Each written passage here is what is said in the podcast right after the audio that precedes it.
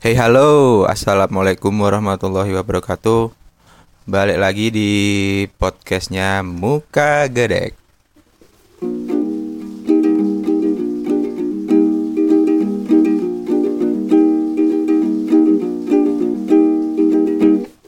Yo, selamat datang kembali di podcastnya Muka Gedek.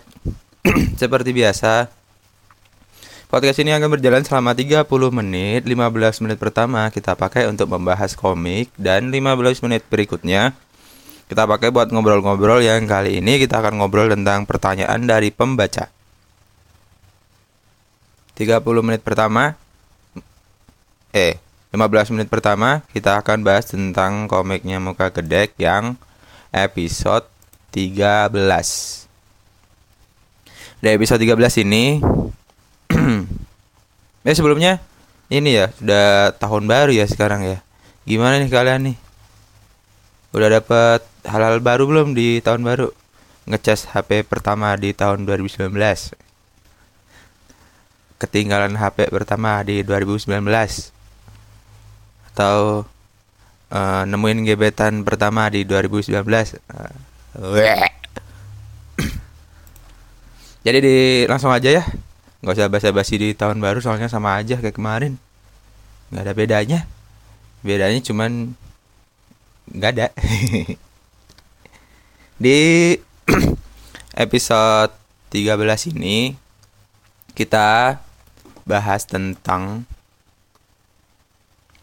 kalau kalian nyimak dari yang episode 12 yang saya nyeritain tentang tanjakan cinta itu jadi ini ceritanya saya ngos-ngosan nih habis dari tanyakan cinta nyampe-nyampe ke camp mereka udah makan-makan ya. Kampret banget. Tapi nggak apa-apa.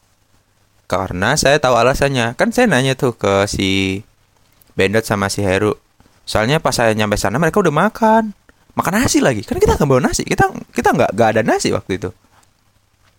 Packing kita itu waktu itu cuman hmm, sayur-sayuran sama mie instan sekardus ya sekardus bukan sebungkus sekardus makan tuh sekardus sama beberapa saset susu kental manis yang ternyata bukan susu lalu beberapa kopi Nescafe yang panjang-panjang Nescafe yang bungkusnya panjang tau nggak? Wah itu kalau minum itu rasanya nostalgia banget. Udah ya rasanya nggak terlalu enak.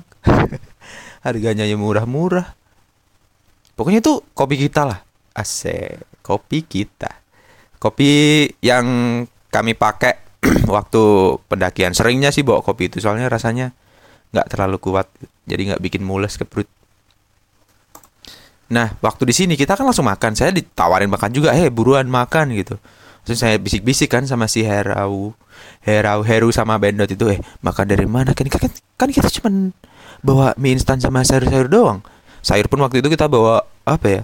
Sawi sawi terus bayam terus kentang terus apa lagi ya? Udah deng itu dong. Iya itu dong. Sama sosis sosis lalu sama ya tadi susu susu itu tadi. Terus kata mereka udah makan aja dulu. Terus pas kita makan kita ngobrol enak nih. Siapa yang masak? Panitia gitu. Lah kok kita makan sama panitia? gitu. Kan soalnya di pendaftaran waktu itu kan bayarnya itu ada uang pendaftaran kan itu di luar logistik. Jadi kita di sana itu seharusnya bawa makanan sendiri. Waktu saya nanya kan kok kita ikut makan panitia? Iya kita ini barter. Barter apaan? Miss Kardus. Mereka mau? Mau. Bagus lah. Iyalah bagus lah. Saya bayangin ya kita makan makan mie men. Empat hari lemes lemes dah tuh. Tapi mie enak sih. Jadi akhirnya si panitia itu bilang kalian boleh eh kalian makan di sini aja sama panitia ikut ikut konsumsinya panitia cuman mie kalian ditaruh sini semua gitu buat gantiin itu gitu. Oh iya ya boleh boleh boleh cak. Monggo monggo pakai aja minyak ambil aja buang juga nggak apa-apa. Eh jangan jangan dibuang lah itu kita. Dapat ini dapat beli di sekolah.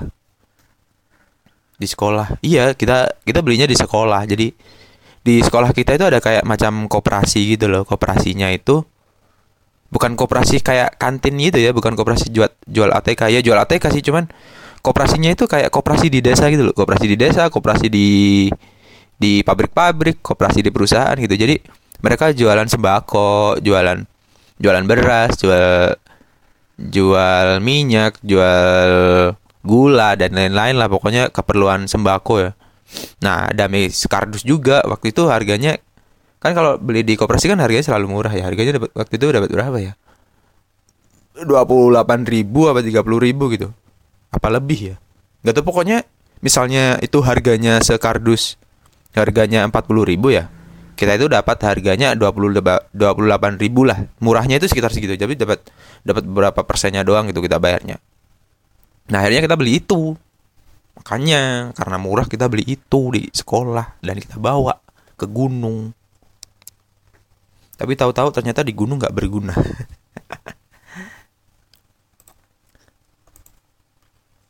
Lalu setelah makan-makan kan kita packing tuh. Kan udah mau berangkat kan. Waktu itu makan-makan jam berapa ya? Bangun jam jam 7 jam 8-an lalu jalan-jalan lihat-lihat sekitar gitu sampai jam 9-an. Pokoknya jam 10 kita harus cabut aja.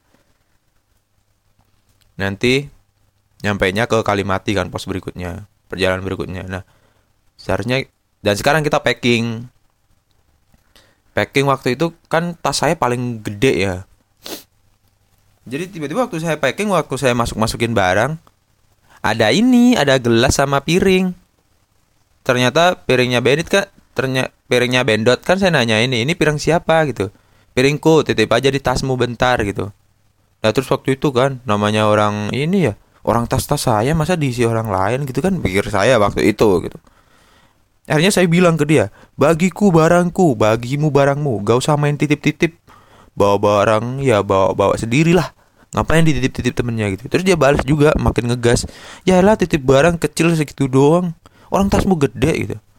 Nah setelah itu datanglah si Cak Ya, dia bilang, pokoknya intinya itu seharusnya kalian itu saling berbagi, berbagi barang sesuai dengan kemampuan kalian gitu. Misalnya si ini nggak kuat bawa barang bawaan segini, dan si itu juga gak bawa gak bawa eh gak kuat bawa barang segini segitu gitu. Jadi kalian tuker-tuker lah. Pokoknya intinya kalian kayak adil gitu bawa barang-barang gak ada yang terlalu berat atau terlalu banyak gitu. Semuanya sama rata gitu. Oh gitu. Jadi seperti itu guys ternyata. Dan ini juga tips juga. Waktu ini ada tips packing tas carrier. Tas carrier ya bukan day pack bukan tas sekolah itu. Wah hujan guys. Hujan di rumah. Tapi saya nggak kehujanan soalnya saya di, di dalam rumah. Si kedenger gak sih suaranya? Wah kedengeran suara hujannya ya? Kalau gitu saya ngomongnya semakin keras. Jadi waktu packingnya ini kita bikin barang yang paling berat itu paling atas. Jadi yang semakin ke bawah semakin ringan. Jadi ini packingan versi saya nggak tahu seharusnya benarnya itu seperti apa. Tapi saya punya packingan tersendiri dan ini semua berdasarkan pengalaman saya mendaki selama ini. Jadi tas carrier yang besar itu pertama dalamnya itu saya lapisin sama plastik trash bag. Kenapa saya kasih plastik trash bag waktu itu? Karena waktu itu kan musim hujan. Jadi saya juga dapat tips dari senior seniornya sih biar airnya nggak masuk gitu kan. Emang sih tas carrier ada ininya ada apa itu namanya? Cover bag. Cuman ternyata fungsi cover bag itu bukan nangkal hujan teman-teman. Ternyata dia itu cuman buat supaya tasnya nggak kotor aja. Iya serius. Jadi saya pernah nyoba ya itu tas saya hujan-hujanin saya siram air gitu ternyata dalamnya tetap basah. Nggak tahu kalau cover bag yang bagus banget yang mahal banget ya. Saya soalnya pakainya yang murah-murah. Biasa kan orang kaya begini pakainya yang murah-murah begitu. Nah setelah saya kasih trash bag saya melingkarkan sebuah matras di dalam sana. Jadi matrasnya melingkar gitu kan ngelapisin si trash bagnya itu di dalam. Jadi tasnya kelihatan kayak bulat gitu dari dari luar dan tasnya bisa berdiri karena ada ada matrasnya itu tadi jadi kalau ditaruh dan isinya nggak ada itu nggak lembek nggak letoy gitu nah untuk barang yang paling bawah sendiri saya taruh sleeping bag. Kenapa sleeping bag? Karena dia kan tergolong ringan. Tapi dia makan tempat paling banyak. Akhirnya dia saya taruh yang paling bawah banget. Itu pun saya injak-injak lagi itu. saya injek kaki saya saya masukin saya injek injek gitu si sleeping bag biar dia gepeng kan. Lalu di atasnya sleeping bag ada baju cadangan. Hujan teman-teman. Doa dulu buat hujan. Oke lanjut. Baju cadangan ini baju yang bakal keluar kalau tendanya udah kebuka gitu. Jadi ini maksud saya baju cadangan. Jadi bukan baju yang bakal kalian keluarin pas kalian kebasahan di jalan terus kalian ganti baju ya bukan itu nanti ada sendiri. Jadi baju cadangan ini ya baju yang akan kalian pakai selama empat hari itu ditaruhnya di situ di atasnya sleeping bag. Kemudian ada logistik. Logistik itu isinya ya kayak itu tadi kalau punya saya kan sayur-sayuran daun-daun sayur gitu kan. Lalu ada kentangnya juga lalu ada minuman-minuman saset itu. Ditaruhnya di logistik itu logistik itu saya taruh di satu kantung gitu. Kantung logistik itu biasanya saya pakai plastik sih biar nggak bocor ke mana-mana kalau ada airnya gitu kan. Seharusnya sih pakai kantong kain ya biar kita membebaskan hidup kita dari kantong plastik. Tapi kan ini waktu itu ya mungkin ke depannya pakai kantong kain aja. Nah di atasnya logistik ini ada frame tenda. Frame tenda itu jadi kalau di posisi tasnya itu pas ketika tasnya dipakai dia nempel sama punggung kita. Jadi dia posisinya rada ke atas. Kenapa dia rada ke atas? Karena nanti kan dia diambil dia mau buka tenda duluan kan. Jadi seharusnya dia di tempat yang paling mudah dijangkau. Nah di sampingnya si frame tenda ini saya naruh air. Entah air botol atau air jerigen ya. Kalau saya seringnya pakai jerigen soalnya dia kotak. Jadi lebih mudah di packing jerigen ini loh bekas bekasnya minyak goreng kayak gitu. Itu kan ada yang seliter ada dua liter kecil kan. Cuman kalau misalnya kalian muncak berempat empat empatnya bawa kan jadinya banyak air kalian. Itu. Nah terus di atasnya logistik tadi kan yang di belakang punggung kita pas nih ada tenda sama air. Nah di di tingkat itu ada tenda gulungan tenda itu ada di situ Kenapa dia gulungan tenda ada di situ? Karena biar barengan ngambilnya sama si frame tenda. Cuman di atasnya tenda ini masih ada bungkusan alat masak. Nah, kenapa saya taruh begitu? Karena kalau kami muncak biasanya kita selalu bagi tim. Ntar yang masak siapa, yang diriin tenda siapa. Selalu kayak gitu. Jadi ketika tenda sama alat masak ini keluar, dua-duanya gampang dijangkau air juga di atas kan? Jadi kenapa sih alat berat-berat ini tenda kan berat tuh. Alat masak ya panji-panji ringan sih cuman berat juga. Berada di paling atas sendiri soalnya nanti bebannya yang nahan itu si bahu. Kalau misalnya kalian naruh bebannya di bawah sendiri itu yang ini punggung. Yang bawa bakal punggung. Jadi bakal berat kayak beratnya di pantat kalian gitu loh. Jadi kalian ba jalannya bakal bungkuk. Ngerti nggak bawa tasnya itu bakal bungkuk ngebungkuk gitu. Kan nggak bagus kan. Nah makanya si alat-alat yang berat ini equipment yang berat kita taruh atas sendiri. Nah di atasnya sendiri lagi ada ini nih. Di topinya carrier kan biasanya ada ada tempat lagi kan. Ada selerekannya lagi ada tempatnya lagi buat naruh barang-barang. Nah itu barang yang paling urgent kayak center sikat gigi mantel jas hujan sabun saya taruh di sana semua. Korek gunting gunting tuh. Kalian jangan sampai lupa sama gunting. Nah lalu kenapa? Kan waktu itu saya ini ya kehujanan ya hari kemarinnya itu. Jadi saya inisiatif bikin uh, jemuran jemuran di tas. Jadi kita pasang kayu di tas kita terus kita gelantong-gelantongin deh baju-baju kita. Si Heru itu ngegantungin celana jeans dia kan dia pakai jeans kan ke gunung goblok emang dia itu. Sama baju dia yang waktu kehujanan itu basah juga. Kalau saya gantungin sepatu sepatu kan waktu itu saya taruh luar ya jadi dia kehujanan gitu basah. Dan celana jeans pendek saya saya juga goblok pakai jeans. Kan nggak tahu. Jadi kita berdua waktu itu waktu ke Kalimati setelah dari Ranukumbolo itu kita pakai boxer doang Lalu tas kita di atas ada kayunya gitu dua kayak jemuran gitulah. Nah, itu tadi yang katanya mau mojak episode 13. Nah, sekarang yang episode 14 itu isinya tanjakan cinta kan kemarin sudah saya jelasin kan tanjakan cinta itu kita harus eh di tanjakan cinta itu ada mitosnya dan di mitosnya itu bilang kita harus jalan jangan sampai berhenti kalau di ada yang manggil jangan noleh ke belakang. Terus sambil jalan itu mikirin cewek yang paling kamu suka gitu. Ntar dia bisa suka balik sama kamu jadi cinta kayak gitu kan. Nah akhirnya saya masih kemakan tuh sama mitos itu waktu itu. Jadi kan ada yang pernah lihat gambarnya nggak sih? Gambarnya si tanjakan cinta itu. Jadi bahkan mungkin ada yang pernah ke sana juga ya. Jadi jalannya itu pertama landai lalu di berikutnya tanjakannya itu kayak dinding teman-teman. Jadi buset vertikal banget. Capek men.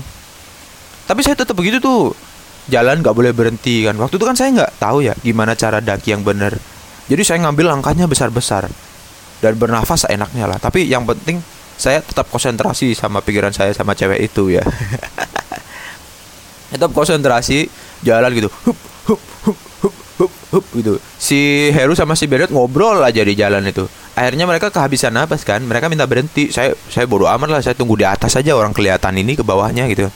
Tracknya itu loh kelihatan dari atas. Jadi nanti saya tunggu teman-teman di atas itu pikiran saya begitu. Jadi saya tetap nge ngebut tuh ke atas. Hup hup hup hup hup gitu kan. Akhirnya si Heru sama Bennett udah istirahat di tengah jalan. Mereka juga ngobrol-ngobrol di jalan gitu menikmati pemandangan yang saya tetap aja hup hup hup hup hup, hup gitu. Lalu ketika udah nanjak tuh udah mau nyampe kan itu nanjakannya curam banget ya. Itu rasanya kayak hup, hup, hup, gitu. Lalu saya capek capek banget badan rasanya lemes banget. Akhirnya tas saya taruh saya tiduran lah di jalan itu.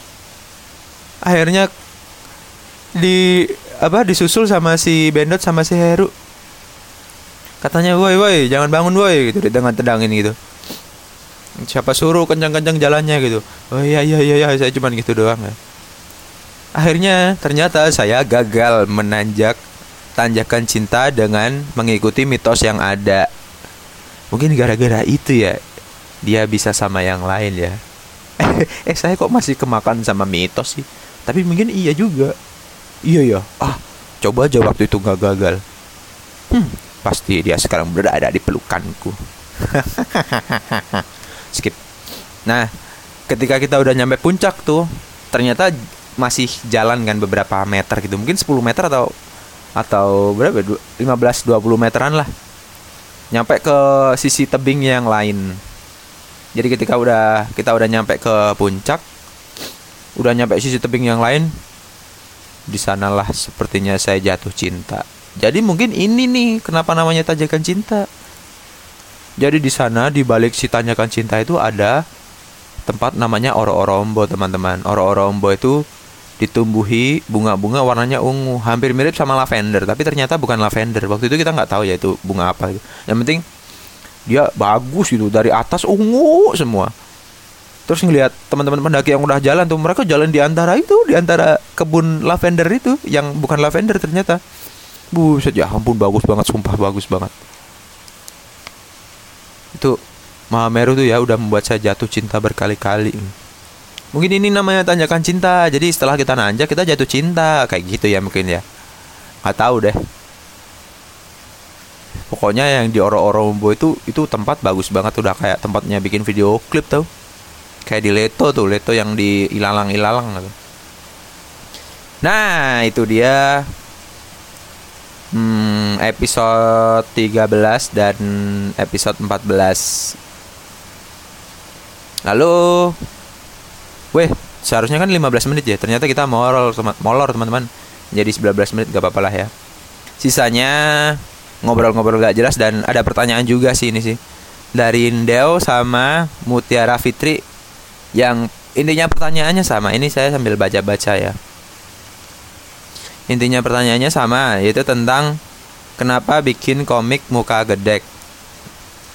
Karena saya kepengen, udah gitu doang jawabnya.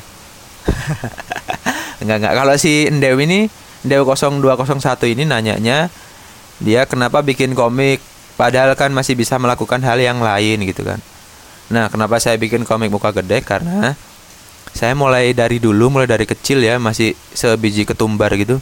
Saya suka gambar. Saya suka gambar. Gambar gambar apa aja deh sepertinya? Pelajaran menggambar itu pelajaran yang paling saya sukai deh. Gambar doang ya nggak mewarnai. Kalau waktu TK saya disuruh gambar cepet banget tuh. Gambar di papan tulis gambar gambar apel gambar pisang gambar gambar brokoli. Brokoli emang ada ya waktu kecil kita belajar buah namanya brokoli apa ya, rambutan. Iyalah pokoknya gambar lah. Tapi kalau ngewarnai saya saya goblok. Warna itu susah tau. Kalian harus memadukan warna ini dan warna itu. Jadi kalau ada lomba mewarnai saya selalu kalah. TK kan adanya lomba mewarnai ya. Gambar pun habis digambar jadi warnai. Jadi lomba menggambar itu plus mewarnai. Jadi saya selalu kalah tapi nggak apa-apa lah. Soalnya emang suka sih sama gambar gambar itu satu-satunya alternatif buat saya untuk menghilangkan stres atau bete gitu. Jadi kalau kalian gambar kayak emosi kalian mengalir gitu di tiap tiap tiap goresan tinta yang akan kalian tuangkan gitu. Cuy. Lalu lanjut ke pertanyaan berikutnya kenapa nggak nyoba hal lain? Padahal kan ahli di bidang lain juga gitu. Sok tahu nih sindeu nih jadi kalau hmm, keahliannya keahlian saya yang lain itu apa ya? Ngibulin ngibulin ngibulin bisa di ini nggak? Di ditekunin nggak? Ngibulin orang itu saya pinter gitu. Terus deketin cewek gitu lumayan lah. Saya juga sedikit ada bakat di sana. Cuma seringannya ditinggalin.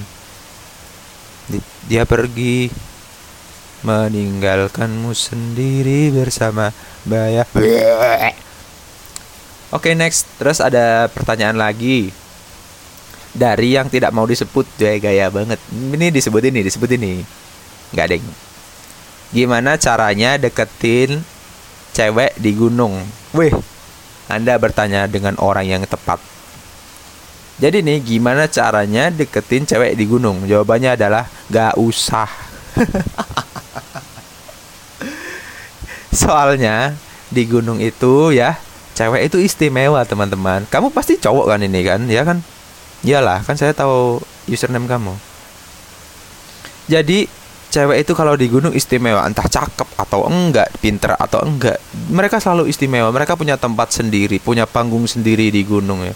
Saya sebagai lelaki Jonas pada saat itu saya juga berpikir seperti itu. Kayak lihat cewek-cewek yang naik gunung itu wah ini istriable banget ini. Dia bisa diajak susah pinter masak fisiknya kuat badannya bagus ya kan? Orang-orang yang naik gunung kan caknya badannya bagus-bagus kan? Terus cakep-cakep. Tapi sayangnya lalernya banyak. Lalernya banyak itu maksudnya kita pria-pria ini. Dan kamu tahu kan laler itu ngerubungin apa? Bangkai. Jadi mereka banyak lalatnya, sayangku. Kamu akan susah mendekatin dia. Jadi kalau saya nih, saya pribadi, saya mending gak usah deh, mending kenal doang gitu. Kalaupun iya jodoh nanti di dunia nyata apa di daratan ya, kalau udah nggak di gunung, pasti kita bakal ketemu-ketemu lagi. Ahai. Tapi kebanyakan enggak sih. Saya nyari-nyari juga jarang ketemu. Kenalan doang ya udah gitu. Tapi kalau tips saya nih, tips saya kalau kamu mau deketin cewek gunung dulu, kamu harus deketin temen-temennya. Asik. Misalnya dia beda kelompok sama kalian kan? Orang-orang naik gunung itu ini enggak enggak ini menurut saya menurut saya. Orang-orang yang naik gunung itu kebanyakan caper gitu. Bercandanya bercanda garing-garing cuma emang lucu sih. Saya juga begitu bercandanya garing-garing gitu. Caper-caper ke cewek-cewek gitu kan. Nah ini tipsnya nih kamu deketin temen dia dulu yang se segrup sama dia gitu. Misalnya dia beda grup sama kalian. Habis itu apa kek kedekitinnya minta-minta kopi atau ngobrol-ngobrol gitu kan. Terus tanyain ya bang bang yang itu udah ada pacarnya belum?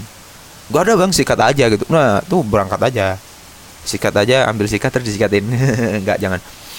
Maksudnya kalian bisa langsung bikin joke gitu kan. Apa ngobrol-ngobrolin tentang dia. Kayak misalnya kalian lagi ngobrol berdua nih sama abangnya nih. Terus kalian tiba-tiba ngencengin suara kalian kan. Eh bang bang bang mbak itu ada yang punya nggak? Kalau nggak ada bolehlah dikenal kenal kenalin ke kita gitu. Buaya ya emang cowok itu buaya banget kalau kalian cewek-cewek yang mendengarkan suara saya ini. Tapi kalian juga mau dibuayain yang cewek-cewek. Kalian mau dikadalin sama apa dibuayain? Kalian milih gedean yang mana? Ya nah itu tuh tipsnya. Jadi kalian deketin teman-temannya dulu setelah itu baru deh kayak gitu bercanda bercandain si ceweknya itu. Kalau ceweknya ini nih apa tukang bercanda juga wah kalian hopeless. Cewek yang suka bercanda itu fansnya banyak guys. Kenapa saya bilang hopeless? Saya ini ya bukannya saya nggak mau mencoba ya saya tuh orangnya ini matematis banget. Jadi misalnya udah ada kondisi kayak gitu, itu kalian cuma memiliki kemungkinan dia mau sama kamu itu beberapa persen doang gitu. Misalnya cuma 12 persen, saya tidak akan mempertaruhkan 12 persen untuk itu gitu loh. Wes, gaya banget ya. Nggak deng. Ya intinya seperti itulah. Kalau kalian emang udah kelihatan nggak nggak mutu, apalagi bentuk kalian jelek ya. Udah bajunya compang-camping, wajahnya pas-pasan, joknya garing, oh udah jauh-jauh aja nyemplung aja di Rono Kumbolo. Ntar baru deh diperhatiin sama dia. Tapi kalau kalian gantang terus, duitnya banyak, gearnya banyak, gearnya bagus-bagus, gear ini loh gear pendakian kayak sepatunya, topi, baju, semuanya semerek, udah kayak ini manekin di di showroom, udah kayak patung di showroom tuh. Jalan, jalan brandnya bajunya brandnya sama semua ya. Mulai dari sepatu kaos kaki topi sarung tangan hem celana pendek sampai sempak-sempaknya mereknya juga itu itu mungkin cewek bakal ngelirik ya. Mungkin ya. Ini kan kita dari segi cowok ya. Saya nggak tahu dari segi cewek. Nah itu tuh baru deketin aja. Tapi kalau kalian buat kalian yang pas-pasan udah kalian ngelucu aja yang lucu itu supaya dia sedikit aw aw aw aw cie masnya cie sampai digitu-gituin nah itu udahlah nanti foto bareng. Nih tips berikutnya foto bareng sama grup mereka jangan lupa di tag ya di Instagram ya. Tuh kalian udah dapet Instagramnya. Dari tag-tagan temen-temennya. Pastilah kita itu kalau daki gunung dulu. Kalau dulu nggak ada Instagram ya dulu adanya Facebook. Kita foto-foto bareng gitu. Nanti kita tukeran nama Facebook nama Facebook alay-alay gitu kan. Apa gitu benci dicakiti gitu kan. Terus yang belakang belakangnya yang terlupakan gitu. Terus ada lagi yang kayak pokoknya itu itulah yang alay-alay dulu dulu namanya alay-alay sekarang mah nama Instagram bagus-bagus. Banyak underscore-nya. Itu sih. Dari dapat akun Instagramnya nanti kalian mulai ke DM DM-an gitu. Ntar dia ngupdate apa DM di DM gitu. Besok asik aja gitu. Soalnya kalau bagi saya ya bagi lelaki sebagai saya seenggaknya udah pernah mencoba gitu. Kalaupun suatu hari nggak suatu hari gagal nggak dapet nggak dapetin dia gitu. Seenggaknya saya pernah mencoba gitu. Asik. Setidaknya diriku pernah mendua. Eh kok mendua sih?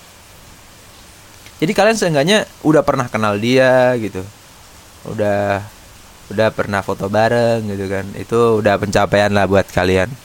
Kalian kalian yang jomblonya nggak ketulungan itu. Dan selalu halusinasi buat punya cewek gunung kayak gitu gitu itu.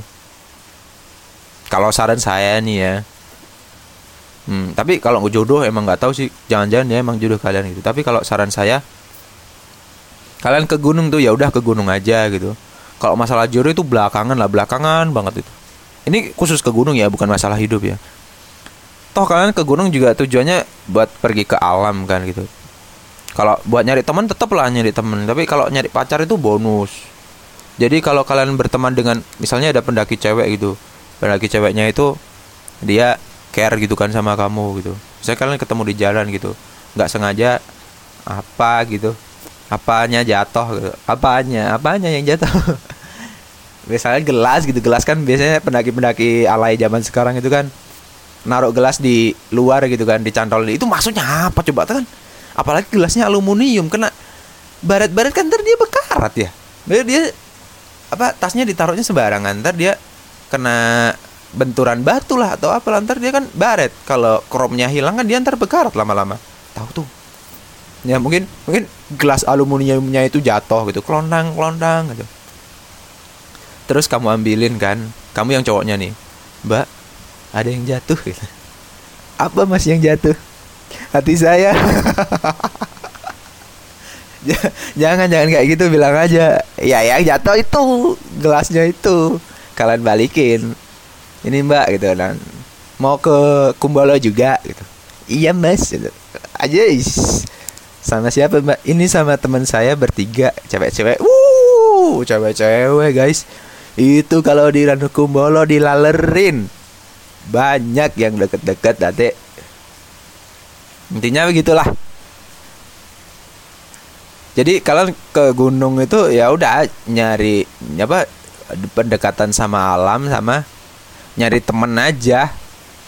Masalah dapat jodoh atau dapat pacar atau dapat gebetan itu belakangan lah. Kalau kalau misalnya kalian sama-sama sama-sama cocok pasti pasti kalian ada feedbacknya masing-masingnya tapi kalau berteman lebih enak berteman sih berteman dulu gitu berteman lama gitu. Jadi ya udah intinya naik gunung itu ke alam sama nyari teman gitu. Ke alam itu kalian berteman dengan alam ya. Jadi kalau kalian berteman dengan alam jangan sakitin alamnya. Kalian jaga. Nggak boleh buang sampah sembarangan nggak boleh boker sembarangan. Boker tuh yang ngeselin tuh di Ranukumbolo tuh mana tai di mana mana lagi kampret kan sumpah. Pokoknya itu deh. Kalau kalian ke gunung jaga persahabatan kalian jaga pertemanan kalian care sama teman segrupnya sama grup lain juga boleh. Lalu jangan buang sampah sembarangan. Jangan metik metik pohon buset pohon dibetik. Jangan metik metik tanaman dan pohon sembarangan. Jaga attitude kalian dan selalu semangat. Naik gunung itu harus semangat. Itu aja sih udah 30 menit 31 menit 55 detik. 57 58 59 tuh 32 menit. Udah sampai situ aja podcast muka gede undur diri kita ketemu lagi minggu depan. Assalamualaikum warahmatullahi wabarakatuh